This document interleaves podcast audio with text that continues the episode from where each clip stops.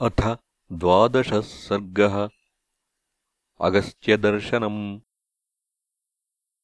सप्रविश्याश्रमपदम् लक्ष्मणो राघवानुजः अगस्त्यशिष्यम् आसाद्य वाक्यमेतदुवाचः। राजा दशरथो नाम ज्येष्ठस्तस्य सुतो बली। रामः प्राप् मुनिम् द्रष्टुम् भार्यया सह सीतया लक्ष्मणो नाम तस्याहम् भ्राता त्ववरजोहितः अनुकूलश्च भक्तश्च यदि ते श्रोत्रमागतः। ते वयम् वनमत्युग्रम् प्रविष्टाः पितृशासनात् द्रष्टुमिच्छामहे सर्वे भगवन्तम् निवेद्यताम् तस्य तद्वचनम् श्रुत्वा लक्ष्मणस्य तपोधनः तथेत्युक्त्याग्निशरणम् प्रविवेशनिवेदितुम्। स प्रविश्य मुनिश्रेष्ठम् तपसा दुष्प्रदर्शनम् कृताञ्जलिरुवाचेदम् रामागमनमञ्जसा यथोक्तम् लक्ष्मणेनैव शिष्योऽगस्त्यस्य सम्मतः। पुत्रौ दशरथस्येमौ रामो लक्ष्मण एव च प्रविष्टावाश्रमपदम् सीतया सह भार्यया द्रष्टुम् भवन्तमायातौ शुश्रूषार्थम् अरिन्दमौ यदत्रानन्तरम् तत् त्वम् आज्ञापयितुमर्हसि। ततः शिष्यादुपश्रुत्य प्राप्तम् रामम् सलक्ष्मणम् वैदेहीम् च महाभागाम्। इदम् वचनमब्रवीत् दिष्ट्या रामश्चिरस्याद्य द्रष्टुम् माम् समुपागतः। मनसाकाङ्क्षितम् ह्यस्य मयाप्यागमनम् प्रति। गम्यताम् सत्कृतो रामः सभार्यः सह लक्ष्मणः प्रवेश्यताम् समीपम् मे किञ्चासौ न प्रवेशितः एवमुक्तस्तु मुनिना धर्मज्ञेन महात्मना अभिवाद्याब्रवीच्छिष्यः तथेति नियताञ्जलिः। ततो निष्क्रम्य सम्भ्रान्तः शिष्यो लक्ष्मणमब्रवीत्।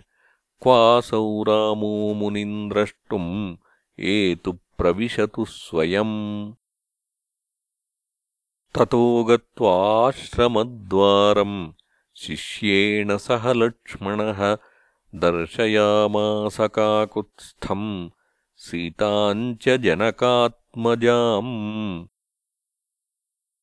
तम् शिष्यः प्रश्रितो वाक्यम् अगस्त्यवचनम् ब्रुवन् प्रावेशयद्यथान्यायम् सत्कारार्हम् सुसत्कृतम् प्रविवेश ततो रामः सीतया सह लक्ष्मणः प्रशान्तहरिणाकीर्णम् आश्रमम् ह्यवलोकयन्। स तत्र ब्रह्मणः स्थानम् अग्नेः स्थानम् तथैव च विष्णोः स्थानम् महेन्द्रस्य स्थानम् चैव विवस्वतः सोमस्थानम् भगस्थानम् स्थानम् कौबेरमेव च धातुर्विधातुः स्थाने च वायोः स्थानम् तथैव च। नागराजस्य च स्थानम् अनन्तस्य महात्मनः स्थानम् तथैव गायत्र्या वसूनाम् स्थानमेव च स्थानम् च पाशहस्तस्य वरुणस्य महात्मनः कार्तिकेयस्य च स्थानम् धर्मस्थानम् च पश्यति। ततः शिष्यैः परिवृतो मुनिरप्यभिनिष्पतत्। तम् ददर्शाग्रतो रामो मुनीनाम् दीप्ततेजसाम् अब्रवीद्वचनम् वीरो लक्ष्मणम् लक्ष्मिवर्धनम् एष लक्ष्मण निष्क्रामत्यगस्त्यो भगवान् ऋषिः। औदार्येणावगच्छामि निधानम् तपसामिमम् एवमुक्त्वा महाबाहुः अगस्त्यम् सूर्यवर्चसम् जग्राहपरमप्रीतः तस्य पादौ परन्तपः। अभिवाद्यतु धर्मात्मा तस्थौ रामः कृताञ्जलिः सीतया सह वैदेह्या तदा रामः सलक्ष्मणः। प्रतिजग्राहकाकुत्स्थम् अर्चयित्वासनोदकैः कुशलप्रश्नमुक्त्वा च ह्यास्यतामिति चाब्रवीत्। अग्निम् हुत्वा प्रदायार्घ्यम् अतिथीन् प्रतिपूज्य च वानप्रस्थेन धर्मेण स तेषाम् भोजनम् ददौ। प्रथमम् चोपविश्याथ धर्मज्ञो मुनिपुङ्गवः उवाच राममासीनम् प्राञ्जलिम् धर्मकोविदम् अग्निम् हुत्वा प्रदायार्घ्यम् अतिथिम् प्रतिपूजयेत् अन्यथा खलु काकुत्स्थ तपस्वी समुदाचरन् दुःसाक्षीव परे लोके स्वानि मांसानि भक्षयेत्।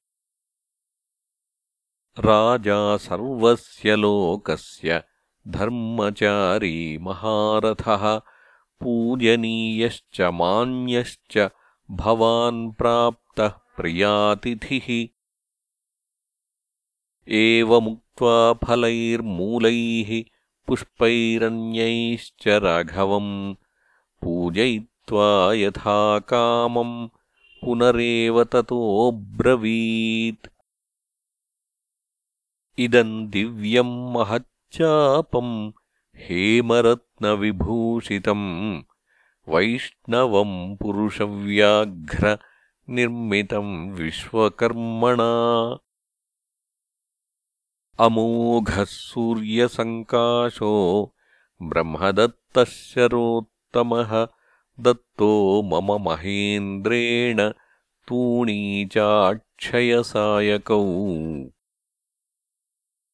सम्पूर्णौ निशितैर्बाणैः ज्वलद्भिरिव पावकैः महारजतकोशोऽयम् असिर्हेमविभूषितः। अनेन धनुषा राम हत्वा सङ्ख्ये महासुरान् आजहारश्रियम् दीप्ताम् पुरा विष्णुर्दिवौकसाम् तद्धनुस्तौ च तूणीरौ शरम् खड्गम् च मानद। जयाय प्रतिगृह्णीष्व वज्रम् वज्रधरो यथा। एवमुक्त्वा महातेजाः समस्तम् तद्वरायुधम् दत्त्वा रामाय भगवान् अगस्त्यः पुनरब्रवीत्। इत्यार्षे श्रीमद्रामायणे वाल्मीकीये आदिकाव्ये अरण्यकाण्डे द्वादशः सर्गः